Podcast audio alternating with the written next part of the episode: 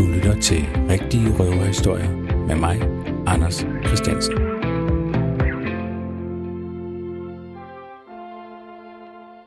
Der findes dårligt noget så ambivalent som vores forhold til amerikansk kultur. På den ene side så omfavner vi den, elsker den, tager den til os, som var den vores egen. Og på den anden side, så er der altid en eller anden advarselslampe, der blinker et eller andet sted. Nu bliver det hele poppet og overfladisk, strømlignet og lidt for smart. Med ankomsten af Disney Plus, som er Disneys streamingtjeneste, der bliver lanceret her i Danmark, så er vores forhold til amerikansk kultur igen kommet til debat. DR har allerede lanceret et modsvar, hvor de vil øh, satse endnu mere på børne- og ungdomsfjernsyn. Og på DR's hjemmeside, altså dr.dk, der kan man blandt andet læse en artikel med overskriften Disney Plus er en trussel mod danskhed. I dag i Rigtig Røverhistorie, der skal vi se på vores forhold til amerikansk kultur her i landet. Det man også kalder amerikaniseringen. Hvor gammel er den her debat egentlig? Den er ældre end jeg vil tro, de fleste tror. Min gæst i dag, det er Søren Hein Rasmussen. Han er historiker, og han har netop interesseret sig for amerikansk popkultur i Danmark. Og han var således også med i et forskningsprojekt på Syddansk Universitet for nogle år siden, der hed Amerikansk på Dansk, der netop handlede om amerikansk kultur i Danmark. Rigtig god fornøjelse. Hvad er det egentlig, vi, vi taler om, når vi, når vi siger et ord som amerikanisering? Jamen, altså, så taler vi jo om alle de øh, påvirkninger, som kommer, eller som vi tror kommer fra USA. Altså når vi siger Amerika, så mener vi USA i den sammenhæng. Mm. Og, og, og hvilken type påvirkninger er det? Jamen, altså, altså, jeg tror for det meste, så forbinder folk påvirkninger med kulturpåvirkninger. Men der er jo egentlig tale om økonomiske påvirkninger, der er jo tale om øh, måden at organisere øh, produktion på, der er tale om måden, man har organiseret reklame på. Altså det er jo en, det er jo en, det er jo en meget bred ting egentlig. Altså USA har jo været dominerende igennem hele det 20. århundrede internationalt, der har jo derfor også kunnet øh, øh, øh, overføre eller påføre øh, sine værdier og sine måder at gøre ting på til hele verden. Jeg oplever det, at, at det er jo ikke et positivt ord. Nej, altså det bliver jo oftest i hvert fald brugt som noget negativt. Det er jo, det er jo sådan set opfundet et sted i mellemkrigstiden som en, en negativ ting. Amerikanerne selv talte jo meget tidligt i det 20. århundrede om amerikanisering. Der mente de jo, øh, Øh, måder, man skulle assimilere alle de øh, immigranter, der kom til USA på. Altså de mente det positivt. Her skal I lære at blive amerikaniseret. Der var blandt andet en amerikaniseringsskole på Ellis Island, altså den der, det der sted, hvor de fleste immigranter kom til USA. Øh, men øh, i Europa har man haft sådan en, en sær, jeg vil sige en dobbeltsidighed, der strækker altså langt tilbage i øh, 1800-tallet. Altså på den ene side er man sgu ret imponeret over alt det, de kan derovre. Øh, amerikanerne er kendt for at være hurtige, og øh, deres øh, økonomi udvikler sig hammer hurtigt. Altså allerede i 1870'erne er det jo verdens største økonomi. Og så på den anden side, så har man fra europæisk side set på amerikanere som sådan nogle lidt barbariske mennesker. De var ikke sådan rigtig kulturelle på den gode måde, ligesom man skulle være i Europa. Og den dobbelthed, den har altså ligget der hele tiden. Og altså når vi når ind i det 20. århundrede, især i mellemkrigstiden, det slår det meget kraftigt ud. Man er, man er hammerbange for jazzmusik, og man er bange for øh, Hollywood, der kommer til. Man er bange for øh, øh, filmstjerner, det øh, de måske kan gøre ved de unge, fordi de bliver så populære. Alle de der ting. Og så er man samtidig også enormt imponeret over, at de kan så meget, og at deres film er så gode. Altså de flotteste film, de kommer jo nogle gange fra USA i 30'erne. Ikke? Mm. Hvad, hvad er sådan de tidligste eksempler, du har kunne finde på, at man i, i Danmark har udtrykt sådan, eller nogle danskere udtrykt bekymring for amerikanisering? Altså jeg vil sige, det tidligste eksempel, vi har på, øh, at man stiller USA op som sådan et drømmebillede, det, er, det er jo nok Christian Winter, øh, øh, flugten øh, til Amerika fra, jeg tror det er 1830. Øh, øh, øh, altså den handlede om, om, om to øh, småbørn, øh, hvor den store siger, vi flygter bare til Amerika, så vi ikke behøver at spise sagosuppe, og derovre der er alting godt og rigt, og vi behøver aldrig få dårlig mad. Men altså den der, den der afstandtagen altså jeg vil sige, i hvert fald er den i dansk henseende tydelig i 1890'erne, da der er journalister, der øh, besøger øh, USA og ikke bryder sig om det, de ser. Og øh, det, jeg selv har beskæftiget med, det er jo egentlig, det, det er rigtig meget øh, øh, popkultur, altså underholdningskultur.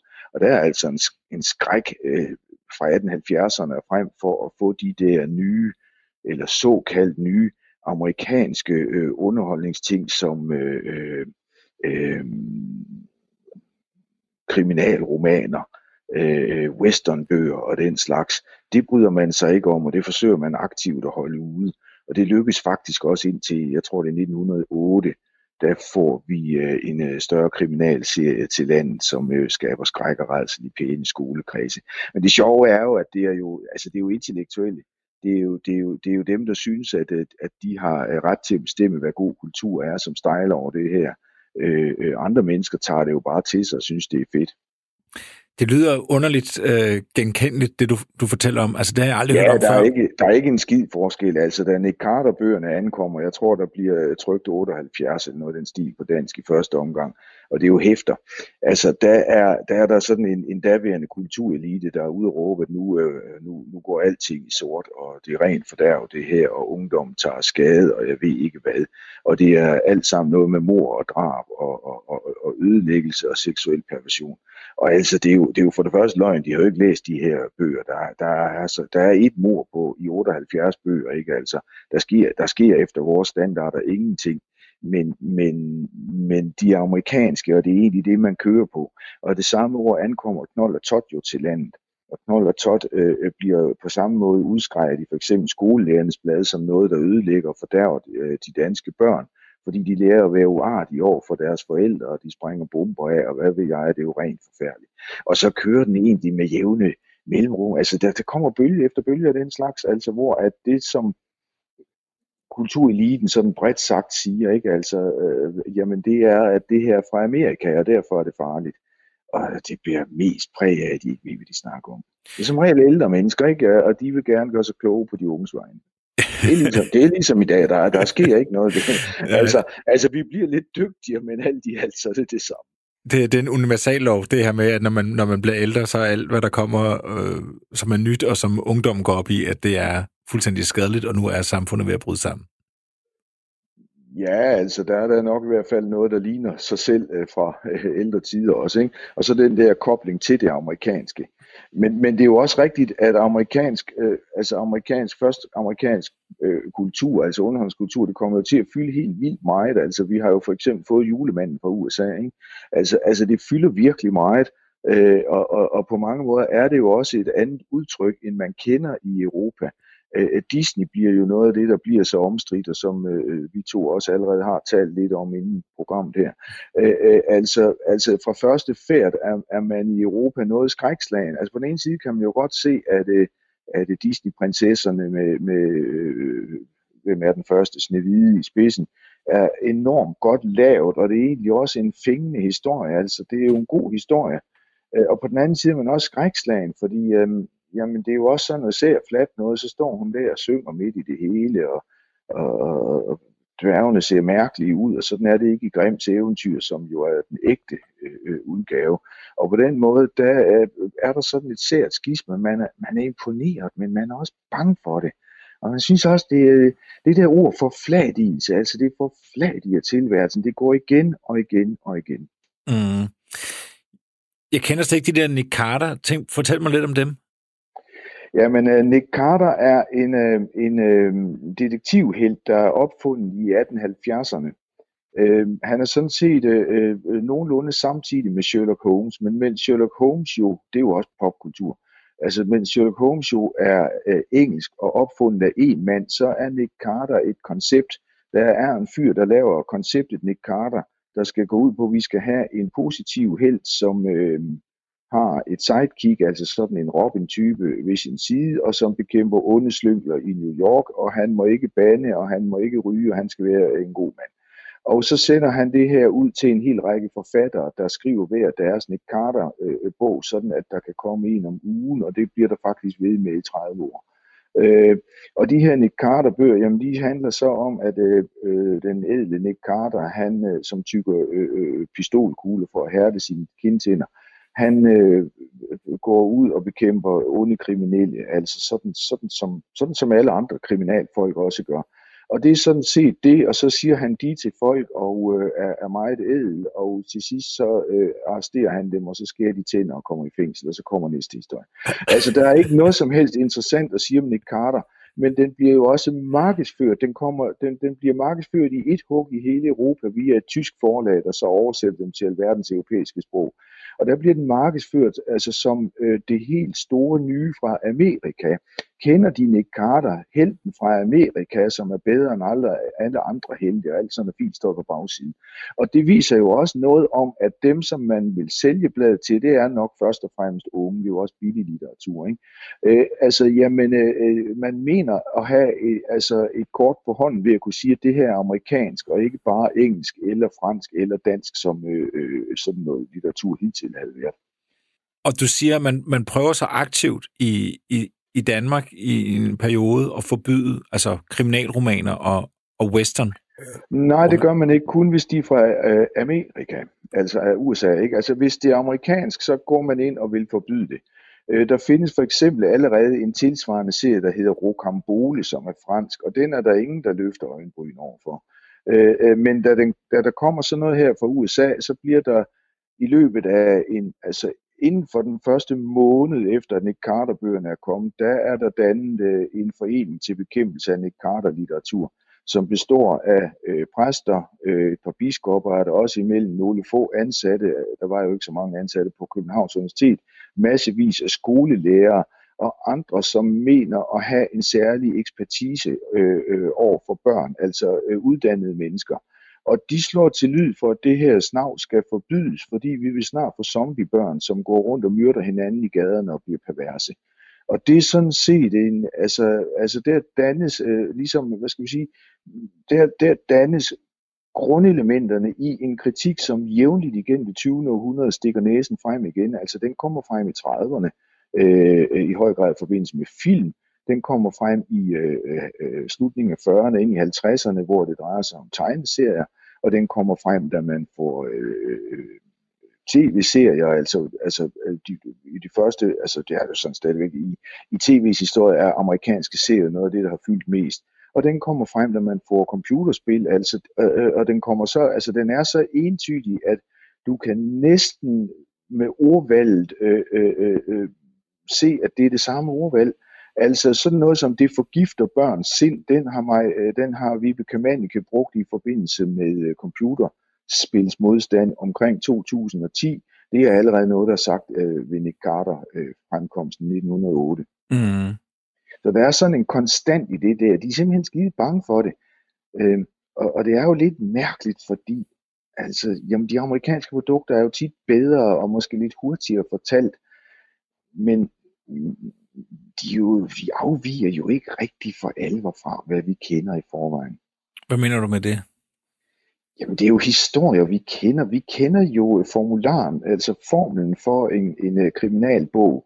Altså uh, Sherlock Holmes-bøgerne blev jo ikke modtaget på den måde, og Sherlock Holmes og Nick Carter har jo, altså, altså jeg vil sige, indholdsmæssigt er de lige dårlige. Altså det er et rene brøvl begge dele. Ikke? Uh, uh, Sherlock Holmes-bøgerne er lidt længere, men, men hvorfor man øh, mener, at Sherlock Holmes er godt nok, men Nick Carter er forfærdelig, det giver jo ikke mening. Det giver jo heller ikke mening, at man be, bekæmper øh, Disney-prinsesserne, når deres udspring egentlig er europæiske fortællinger. Mm. Mm. Altså det er det, jeg mener, det er egentlig formsprog, der bliver anderledes og mere moderne, og det er jo fordi USA har jo den her enorme både industrikapacitet og, og kapacitet til at forny sig. Altså igen det 20. århundrede er amerikanerne jo super dygtige til at forny sig. Og, og nu taler vi om kultur, vi taler om underholdningskultur, fordi det drejer jeg alting helt på, så jeg kan komme til det. Men, men det her drejer sig jo, som jeg begyndte med at sige, jo også om øh, måden, man producerer på, altså samlebåndsproduktion. Det er jo en amerikansk opfindelse, som øh, vækker enorm harme i Europa, men som man jo samtidig forsøger at implementere selv. Altså, altså det er sådan at ser dobbelt over det der øh, anti-USA noget. Ja, ja. Det er, det er, det er spøjst. Altså, nu nævner du samlebåndsarbejde, men ja. det, er jo, men det er jo måske også det. Altså, det, det, det, er jo, det er jo så effektivt, og det er så godt, du bliver nødt til det, men omvendt så kan man jo ikke, altså hvis man skulle være kritiker, tænker man, det er jo der alt charme og alt det kunstneriske, det, det forsvinder, og det er der, hvor det netop bare bliver øh, et produkt, der skal ned i, i halsen på folk, hvis man for eksempel snakker kultur, ikke? Jo, altså det kan du da godt sige, altså, altså, altså ud fra et arbejdersynspunkt kunne man jo sige, at det ikke var særlig sjovt at stå i samlebåndet, og det var faktisk så slemt, så selvom man gav en væsentlig bedre løn, så var det svært at rekruttere folk til det. Men dem, som ejer de her fabrikker, er sgu da ligeglade. Altså, altså, det er jo sjovt, at du skal have en kulturelites modstand mod eksempelvis øh, øh, øh, øh samlebånd, øh, samlebåndsproduktion, når den nu egentlig er mere effektiv og øh, tilbyder forbrugsvarer på en bedre måde. Men det er der altså, og det er uanset om de er venstreorienterede eller højreorienterede, så har de altså den der både skræk for og, og vrede over, at de kan finde på det derovre. Mm. Øhm, altså vi har jo også danske intellektuelle, som øh, øh, øh, øh, altså jeg faktisk er helt ude hampen i deres modstand mod, mod det amerikanske. Altså vi har jo altså den konservative kulturkritiker Harald Nielsen, som øh, øh, en meget vigtig skikkelse i dansk konservatisme. Altså han var, han var, på den ene side var han jo rasende anti-bolsjevikisk og antisocialistisk, og på den anden side havde han amerikanske forhold. Jeg, jeg har et lille citat, hvis jeg må læse det højt for dig. Meget gerne. Om det er Harald Nielsen, der i 1939 skriver om amerikanisering. Det betyder smartness, det betyder evnen til at lave forretning og til at indrette sig praktisk, så det går i en fart. Det betyder biler i massevis, køleskabe i massevis, radioapparater i massevis, telefoner i massevis, men det betyder først og fremmest penge i massevis. Alt stilles i pengedyrkelsen og pengejagets tjeneste. Alle forhold bliver påvirket heraf, alle idealer afpasset derefter. Og det siger en mand, som jo altså går ind for et øh, system, altså et kapitalistisk system, der går ud på, at man skal kunne producere biler effektivt. Det er jo, det er jo sådan lidt vildt, ikke? Jo, og det er 39. Det er 39, ja. Øh, men det er, jo ikke, altså det er jo ikke atypisk. Man kan jo bedre forstå, at venstreorienterede øh, vender sig imod USA, fordi de ser altså den amerikanske liberalisme som en fjende. men det er jo lidt sjovt, at det er sådan set er hen over hele linjen, at intellektuelle, de kan bare ikke ret godt lide det derovre. Mm. De vil jo gerne have et køleskab. Ja. Ja. Og det får de jo kun, hvis det er masseproduceret. Altså, vi skylder jo amerikanerne. Det kan godt være, at kloden går under alt det lort, der bliver produceret. Men vi skylder amerikanerne, at vi har fået det. Og vi har jo taget det til os. Vi har jo taget køleskabe og elmixer og hvad ved jeg til os. Ikke? Mm. Om, man, om man kan lide det eller ej, så er det jo netop smartness. Det er jo netop, at det er smart. Altså, man kender det jo fra sig selv. Lad os sige, at man nu gerne vil støtte den lokale kiosk frem for en 7-Eleven. Men ja. når man klokken to om natten får brug for en flaske rom, øh, så skal man jo gå i 7-Eleven. Ja, altså det skal man jo. Altså, og der er jo en grund til, at den lokale købmand er booket under for 7-Eleven, og det er, at stort set alle har valgt 7-Eleven i sidste ende. Ikke? Jo. Øh, altså, øh, og, og så kan du sagtens sige, ja, men det er på grund af noget amerikansk, men åbenbart er det også på grund af en dansk indstilling. Altså, vi kunne jo lade være, hvis vi ikke mente det. Mm. Så det er også billigt, ikke? Altså, fordi at, øh, altså, så at sige, amerikanerne, øh, altså, i USA, øh, øh, øh, moderne tider bliver jo for alvor sat øh, øh, på formen i USA, fordi det bliver verdens førende industriland, og det, det bliver verdens øh, førende innovative land i en lang periode. Og på den måde kan du godt give amerikanerne skyld for alt det, som du ikke kan lide. Du skal også give dem æren for alt det, du godt kan lide, fordi i en vis forstand er vi jo, altså hvis, hvis det er at være amerikan, så er vi jo gennem-amerikaniseret. Mm. Altså gå ned ad din gade her, ikke? at du kan få fast food, og du kan få det ene, og du kan få det andet. Det er jo amerikansk det hele, hvis, du, hvis det er den vinkel, du ser det fra. Men du kan jo også sige, at det er fordi, at moderne øh, kapitalisme har givet os alle de gode, og øh, der er nogle steder, vi har lært øh, det bedre end andre, og de har så lært også noget om det. Jeg vil godt øh, vende tilbage til nogle af de kritikere, som, som har været af det amerikanske sådan tidligt. Ja. Jeg ved, sådan en som Hans Scherfi, der har du fortalt mig, at ja. han jo virkelig også var, han er jo så på venstrefløjen, øh, og han er heller ikke begejstret for, for amerikanerne. Hvordan kommer det til udtryk? Altså, den unge Hans Jerfi, øh, han kommer jo ud af en øh, solid øh, københavnsk øh, borgerfamilie med mange penge. Han bliver sendt til øh, New York af sin far for at få en anskuelsesundervisning, fordi han går ned venstreorienteret sympati, og det kan vi ikke sådan have i en pæn familie. Og han sendes så til New York der 1928-29 og skriver hjem til sin far og er så frygtelig, frygtelig, frygtelig ked af at være der. Altså far, skriver han, de er så, de der, de er så ukultiverede, de amerikanere. De, øh, han, han nævner blandt andet, at de kan finde på at øh, ikke holde god madskik, i bøvser ved bordet, har han oplevet en gang. Men han skriver jo også hjem til far om, hvordan at, øh, at øh, der er stor forskel på rig og fattig, og det bryder han sig ikke om, og det er jo også helt korrekt, ikke? Han, altså han, han har et brev, hvor han skriver, at, at, at, at i øh, uh, sidegaden til Fifth Avenue, der var man uh, hjemløse og måtte spise uh, frelsens her suppeuddeling. Men på Fifth Avenue, der kunne man øh, købe juveler i juvelerbutikkerne, og der var fornemme palæer. Og så slutter han med at skrive til sin far, ingen steder i verden kunne et kapitalistisk klassesamfund opleve så enkelt og groft og tydeligt som her i disse ord. Og det har han jo givetvis ret i. Altså det, der så sker for hans Scherfi, mens han er i New York, det er, at han kommer ind i sådan nogle intellektuelle kredse, hvor man ovenkøbet øh, øh, øh øh, øh, øh, fraterniserer med sorte, hvilket jo også var uhørt i USA. Det var jo et meget racistisk land, altså. Øh, øh, øh, og, og, og her kommer han ind i nogle kredse, der fører til, at han bliver kommunist. Mm. Men, men, men, men, men hans ind, altså starten på hans anti-amerikanisme er jo kulturel. Altså han synes ikke, at de er lige så værdige som hans pæne borgerlige familie hjemme i København. Mm.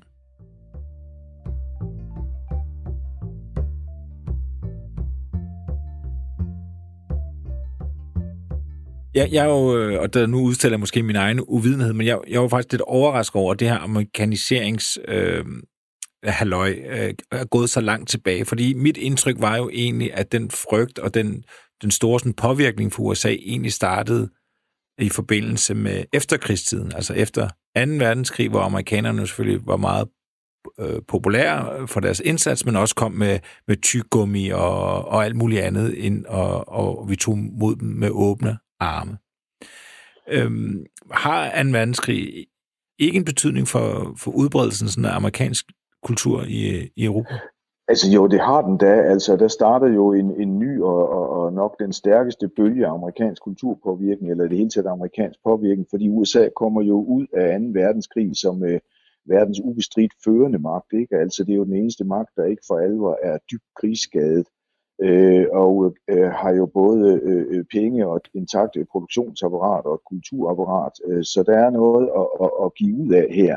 Og altså ikke mindst når vi siger Europa, jamen så står der jo en kamp om sjælen i Europa. Og der har amerikanerne jo sindssygt gode øh, kort på hånden, fordi de kan, øh, de kan øh, give europæerne øh, film, amerikanske film, der er jo også markedsfører amerikansk måde at leve på, og det gør de jo meget bevidst. De kan øh, komme med tykkegummi, som du siger. Øh, de kan øh, stille med øh, musik. Altså jazzmusikken er jo, er jo øh, på den ene side nok øh, øh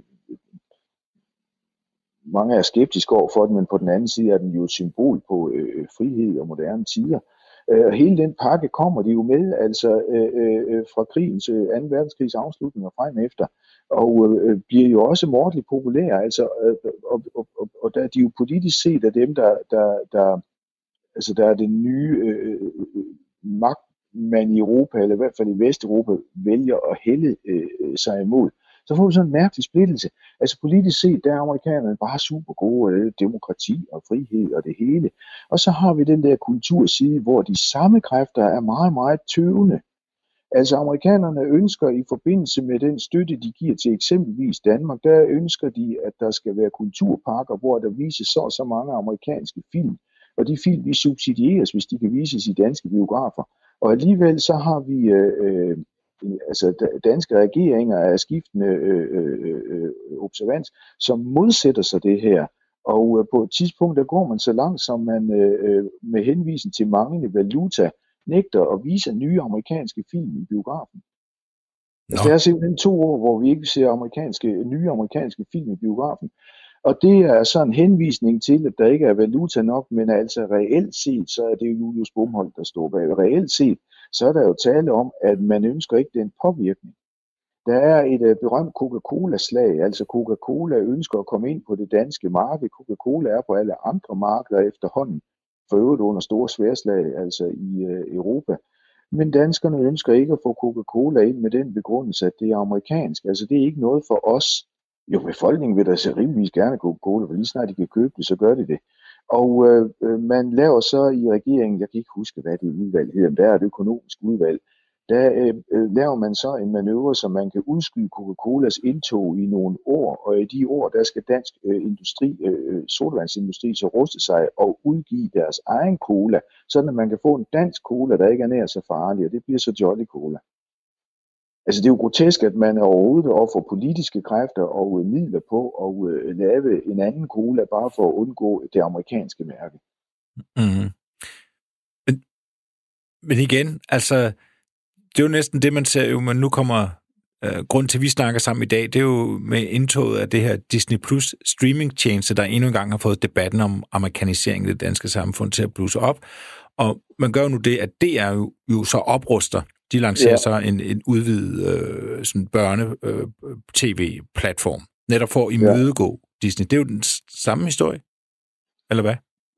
Ja, altså det synes jeg, det er. Altså, altså der er i hvert fald en kerne, der ligner rigtig, rigtig meget. Og det kan der da også være grund til. Altså, altså det er jo da altid fint, at man har, altså at der er diversitet, at man ser kulturprogrammer øh, fra mange steder, at børn præsenteres for forskellige måder at lave børnetv på. Det synes jeg, der er rigtig fint, altså. Øh, men altså skrækken for, for, for produktet, det Disney-produkt, fordi det er amerikansk, den ligger jo lige under overfladen, og det er jo lidt komisk, fordi det Disney har øh, arbejdet intens på, øh, i hvert fald i hele efterkrigstiden, det er jo faktisk at øh, gøre sig så Øh, spiselig som muligt over for så mange i verden som muligt.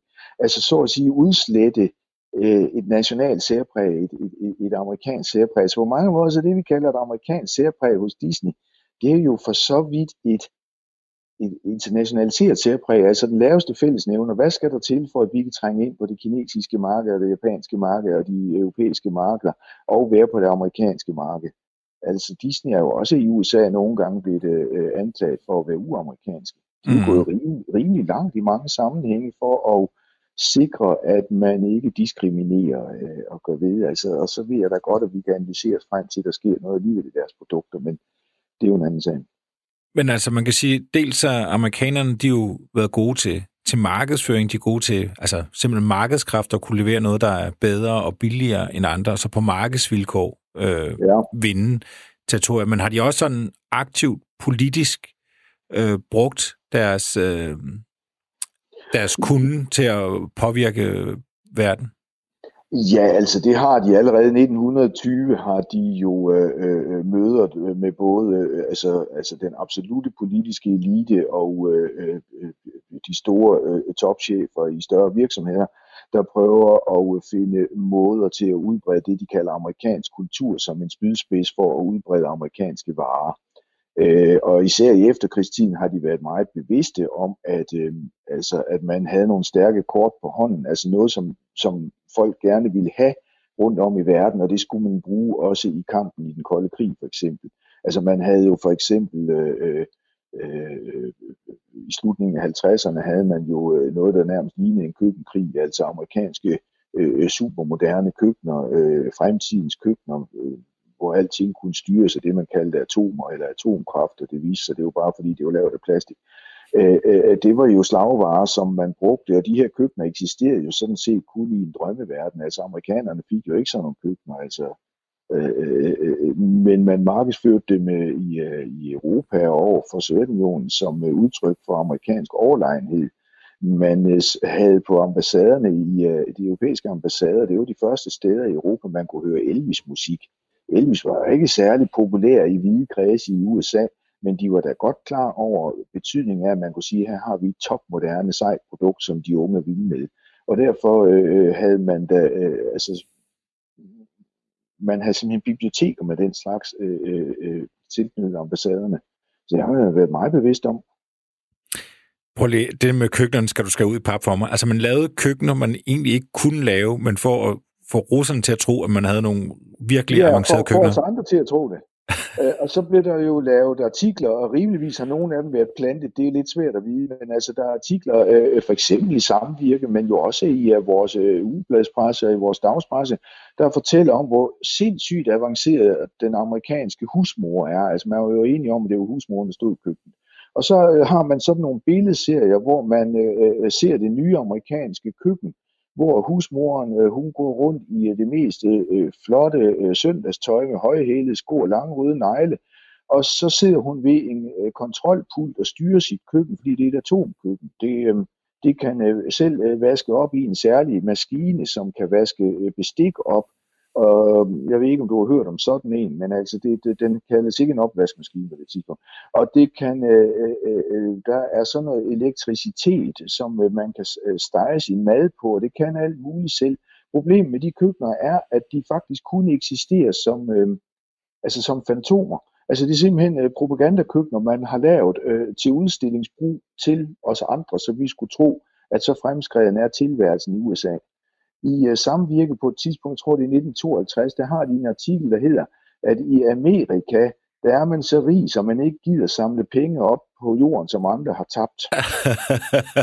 altså, altså det, er, det er myten om, at de har et overflodssamfund, der er spredt ud til hele befolkningen, og som ligger, uh, altså har en teknologi, der er forud for noget, vi har drømt om.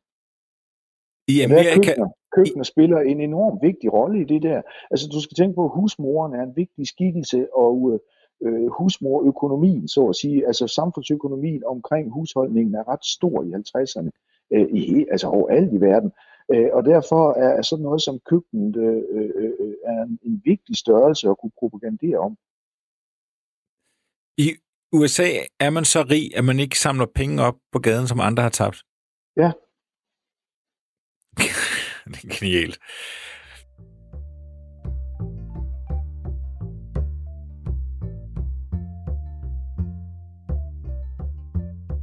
Jeg må indrømme personligt, så kan jeg da godt sidde der med, med samme korslagte arme, som, som nogle af de her kritikere nogle gange har, og hvis man samtidig så ved, at de laver altså propagandanummer og laver fatamorgana-billeder for os, altså du virker som om, at du er sådan rimelig afslappet omkring sådan, hvad kan man sige, ja, det altså, amerikanerne kalder soft power, ikke?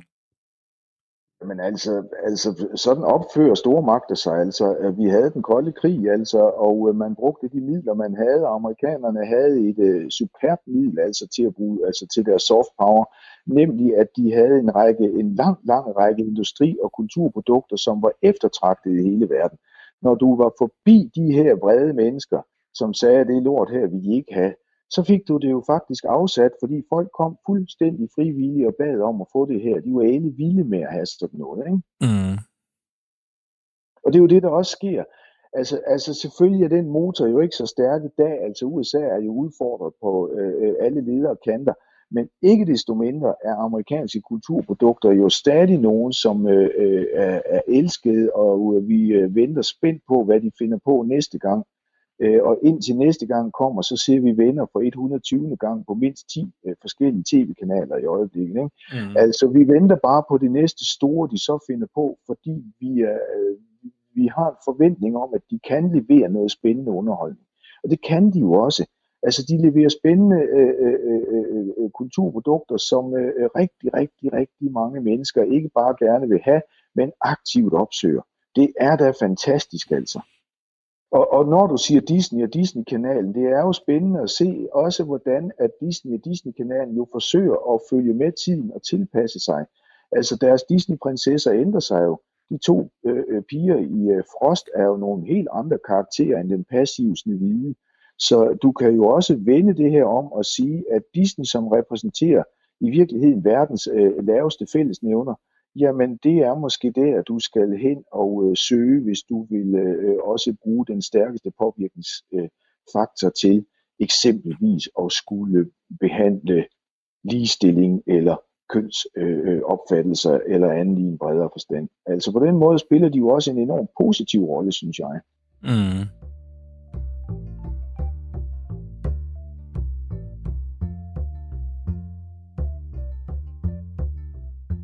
Meget af det, vi kalder amerikansk, er jo ikke særlig amerikansk. Altså det er jo netop øh, den brede fællesnævner. Altså de har kunnet tage øh, øh inspiration fra alle mulige steder og kværne det ind i nogle modeller, som øh, kan spyttes ud til os i Danmark, og øh, øh, øh folk i Kina og øh, folk øh, på øh, Tunga-øerne, øh, folk alle vegne, og de vil alle sammen sige, ej hvor er det bare godt det her.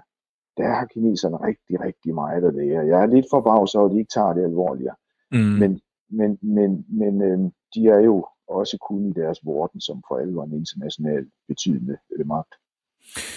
Nu, nu, nu snakker vi jo som om, at, øh, at der er meget af det her, der gentager sig selv. Altså øh, kritikken af, af amerikansk kultur sådan har gentaget sig sådan løbende siden ja, 1870'erne og 80'erne og, og til i dag. Det er det samme, det er sådan lidt overfladisk, og det, det er plat, og det er ikke lige så godt som, som europæisk øh, kultur. Ja.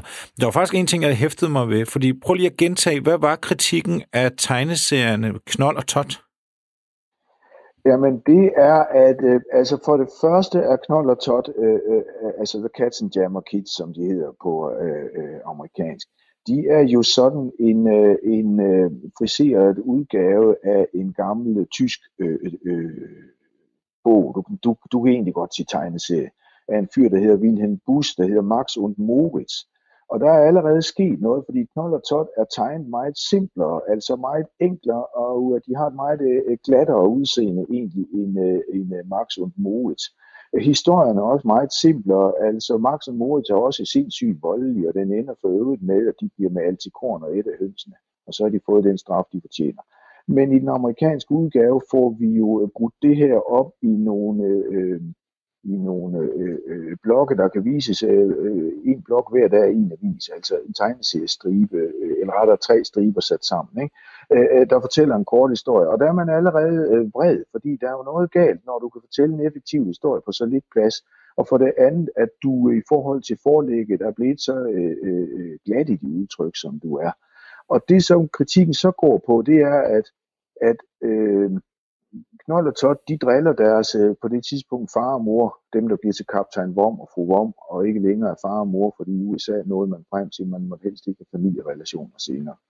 Det er jo noget med sex og den slags. Ikke noget, vi med det. Men, men, men, men de driller de her voksne, og de tager pis på dem, og samtidig øh, gør de faktisk også skade på dem. Og det mente man i skolekredse, det nedbrydede øh, lærerens og forældrenes autoritet, og det var nok derfor, børnene så godt kunne lide Knold og Tot. Fordi børnene synes faktisk fra første ferie, at Knold og Tot var seje. De kunne godt lide dem. Mm. Det, det er, Knold og Tot er jo en langtidssucces. Altså det er jo det eneste tegneseriehæfte, der har været udgivet, jeg tror, jeg tror første gang som årets hæfte var 1912, og det eksisterer sgu endnu. Du kan få det i, til jul endnu, hvis du er interesseret. Men, men er der ikke noget der, der er lidt anderledes? Altså nu tænker jeg eksempelvis på onkel Reje-sagen. Det her med, at Google ikke vil have øh, onkel Reje, fordi at han pruttede og bandede og var for fræk at, at vi nu har et, et omvendt, hvor at amerikansk børnetegneserie var for, at de var for flabet og anti-autoritære, til nu, at det er, altså, det er det, vi gerne vil have herhjemme. Altså jo, det kan du da godt sige. Altså, jeg tror øh, sådan set måske, vi er bare stolte af at have et eller andet, som nogen de øh, synes er flabet og frækt, og så er det lige onkel Reje. Jo, det kan du da godt sige, men altså den ægte parallel skulle jo nok være, at vi formåede at lave en onkel Reje, der var lige præcis så fræk, så folk synes han var provokerende, men ikke så fræk, så øh, Google øh, blokerede ham. Det er jo der, man vil lægge sig som Disney for eksempel. Det er jo der, man vil lægge den slags produkter. Knold og Tot kom jo til landet. Frækker var de ikke. Der var jo en, en censur i landet, altså. Frækker var de jo heller ikke. Altså på den måde, der øh, er amerikanerne jo rigtig dygtige til at komme meget langt ud med deres produkter, som er friske, som er frække og som i perioder er anti-autoritære, som øh, rummer den dosis af, af voldelighed, som øh, nogle gange øh, mennesker synes er underholdende som ofte øh, rummer nogle doser af sex. Det gælder så ikke for sådan noget børne noget som knold og tot, men det gælder jo for en rigtig masse af det, der sker i Hollywood, uden alligevel, at man overskrider øh, de grænser, hvor det ikke længere kan gå i meget brede kredse. Øh, og det er jo det, onkel Reje ikke gør. Altså, onkel Reje synes jeg er pragtfuld, det er jo fordi, den er så respektløs. Men det kan da aldrig blive en bestseller på international plan. Nej, men så kan den da noget andet. Altså, det, altså, det, det er jo også det, altså, er det ikke også Jamen, meget... Det er ikke fordi, Ja, altså jeg forsvarer, jeg siger jo ikke, at vi bare skal have amerikanske produkter. Jeg forsvarer dem for så vidt heller ikke. Jeg forsøger at forklare, hvorfor det er, at de bliver så stærke. Jeg synes, onkel Reje er sej, og jeg vil håbe, vi får mere onkel Reje. men, men, men, men, men det er jo det, altså i, i forhold til, at man kan sige, at kritikken er, opleves som en gentagelse, ikke? Og, og man jo. kan sige, at nå, men, øh, den brede befolkning vil godt have det, men der sidder nogen, nogen, nogen i en kulturelite, der siger, at nu skal vi lige passe på med det her amerikanske, det, det er ikke godt for os øh, som, som samfund og mennesker og for danskere. Ja. Øh, men men kan, kan de ikke godt have ret? Altså, altså bare fordi, at man kan sige, at den brede befolkning vil have det, betyder det vel ikke, at, at det nødvendigvis er godt?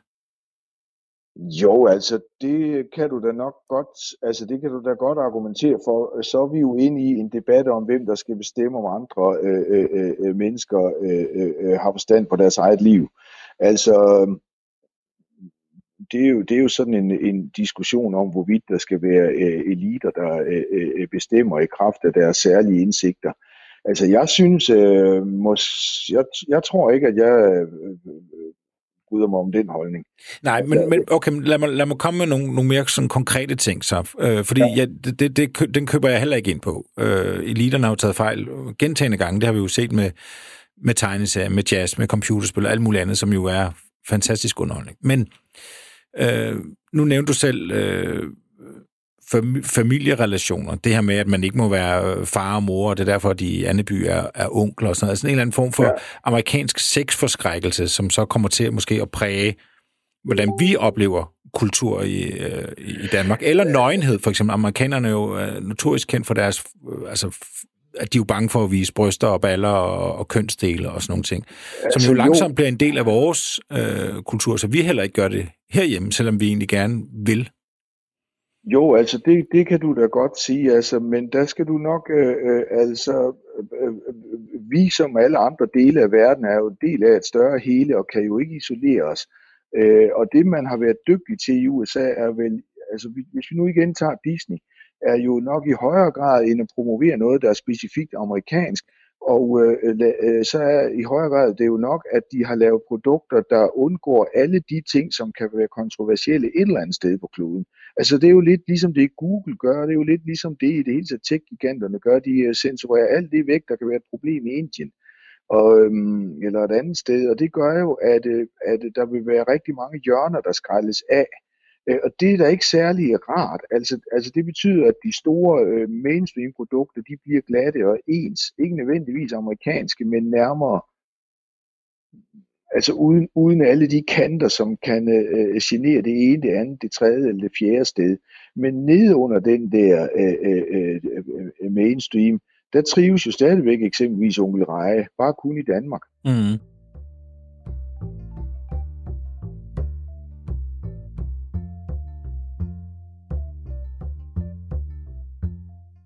Et, et andet eksempel, der er, nu, nu kan jeg jo høre på dig, du er ikke en, der er bange for at bande, for eksempel.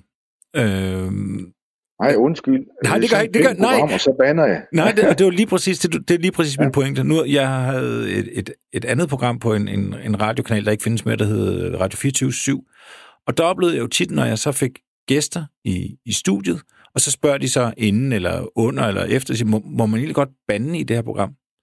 Og så siger jeg, ja, selvfølgelig må du da det.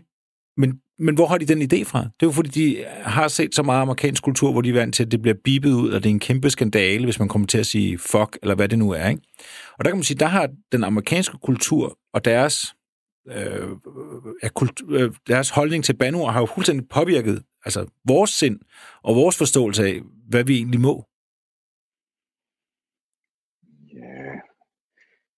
Altså det, altså det tror jeg faktisk er for enkelt, fordi hvor er det, vi lærer at øh, øh, øh, øh måtte bane så at sige øh, i massemedierne? Jamen det er jo fra tidligere amerikanske kulturprodukter. Altså var der en, der bandede midt på skærmen, så var det jo for eksempel øh, Richard Nixon. Altså, altså øh, det er jo en nyere øh, øh, strømning, altså, som også har ramt USA, men som vel egentlig er international, og hvor man igen må sige, at hvis man er, hvis man er hvis man er en amerikansk tech-gigant, der skal lave øh, øh, øh eller, eller formidle øh, øh, produkter, der kommer hele verden rundt, jamen så vil man ikke have den slags, fordi det er der nogen, der kan være sure over, eksempelvis konservative amerikanere og så laver man enten beep for at vise, at man alligevel øh, tillader bandeord, eller også så gør man noget helt tredje. Men, men, men om det er noget, der skyldes øh, amerikansk kultur eller amerikansk ønske om at dominere andre, det er jeg altså meget usikker på. Jeg tror, det skyldes, at vi har fået globale medier, der er nødt til at slibe alle de kanter af, som gør, at de kan blive kontroversielle i de enkelte lande rundt omkring. Og det er der selvfølgelig et tab for en hel masse ting. Altså, der er en masse mangfoldighed, der går tabt. Til gengæld får du produkter, som alle mennesker i verden kan nyde. Og mm. nedenunder den der mainstream øh, øh, jamen der må man jo så øh, på et lavere niveau øh, forsøge at skabe sine produkter, som man har lyst til. Altså, jeg synes ikke, det er underligt, at det går på den måde. Mm. Jeg synes ikke, det er mærkeligt, at vi ikke må bande. Fordi, øh, altså, da jeg var barn og gik i skole, måtte vi ikke bande. Det udløste øjeblikkeligt lusinger. Altså, det at bande er øh, øh, øh, øh, traditionelt set jo forbundet med noget lavkulturelt, eller noget øh, social lavstatus, eller et eller andet andet. Øh, og det har jo været en ganske kort tid, at vi så at sige har bandet løs i Danmark for åben øh, øh skærm og åben mikrofon. Øh, og at det er under pres, fordi der er andre steder i verden, man har en anden opfattelse, det synes jeg ikke er, er spor mærkeligt. Mm. Men hvis man kigger på vores samfund, lad os sige, at man hopper 200 år frem, eller 300 år frem, så eksisterer vi ikke mere, så det er så nemt. men, men, men, men, men så kig på vores tid, altså den her tid nu, 2020 og Danmark, altså kunne man ikke få den, lave den analyse, at vi jo egentlig er en amerikansk vasalstat, eller vi de facto er et amerikansk øh, provins, eller et eller andet, altså i forhold til, hvor, hvor, hvor massiv øh, påvirkning og, øh, fra, fra amerikanerne vi har i vores samfund?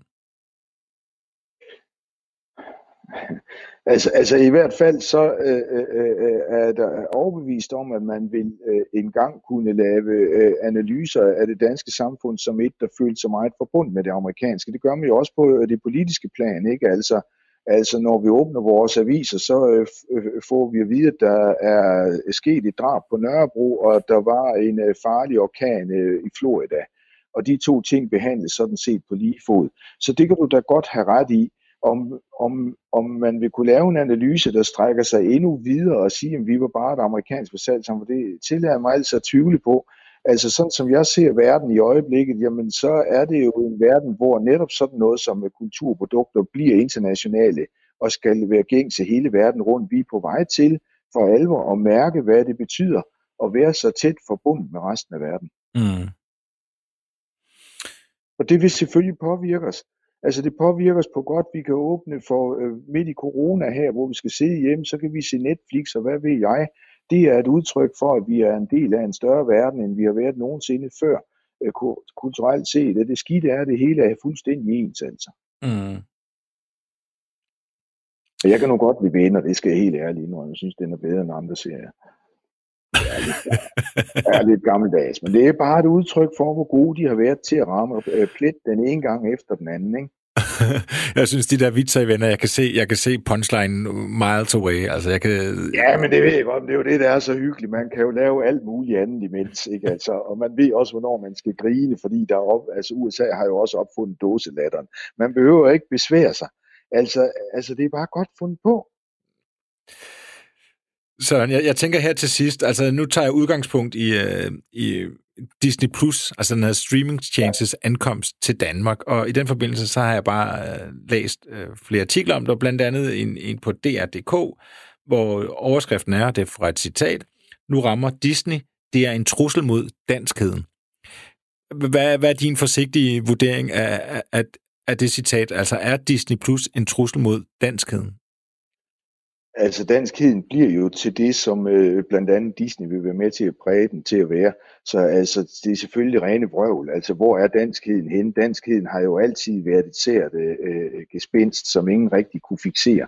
Altså, danskheden i dag er jo ikke den samme danskhed, som den var for 10 år siden.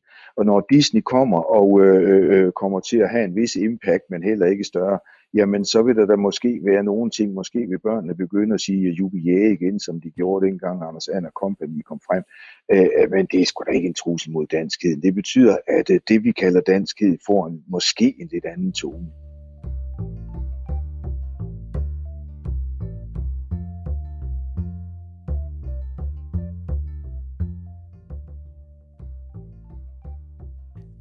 Det var alt for rigtige røverhistorier i dag. Min gæst det var historiker Søren Hein Rasmussen.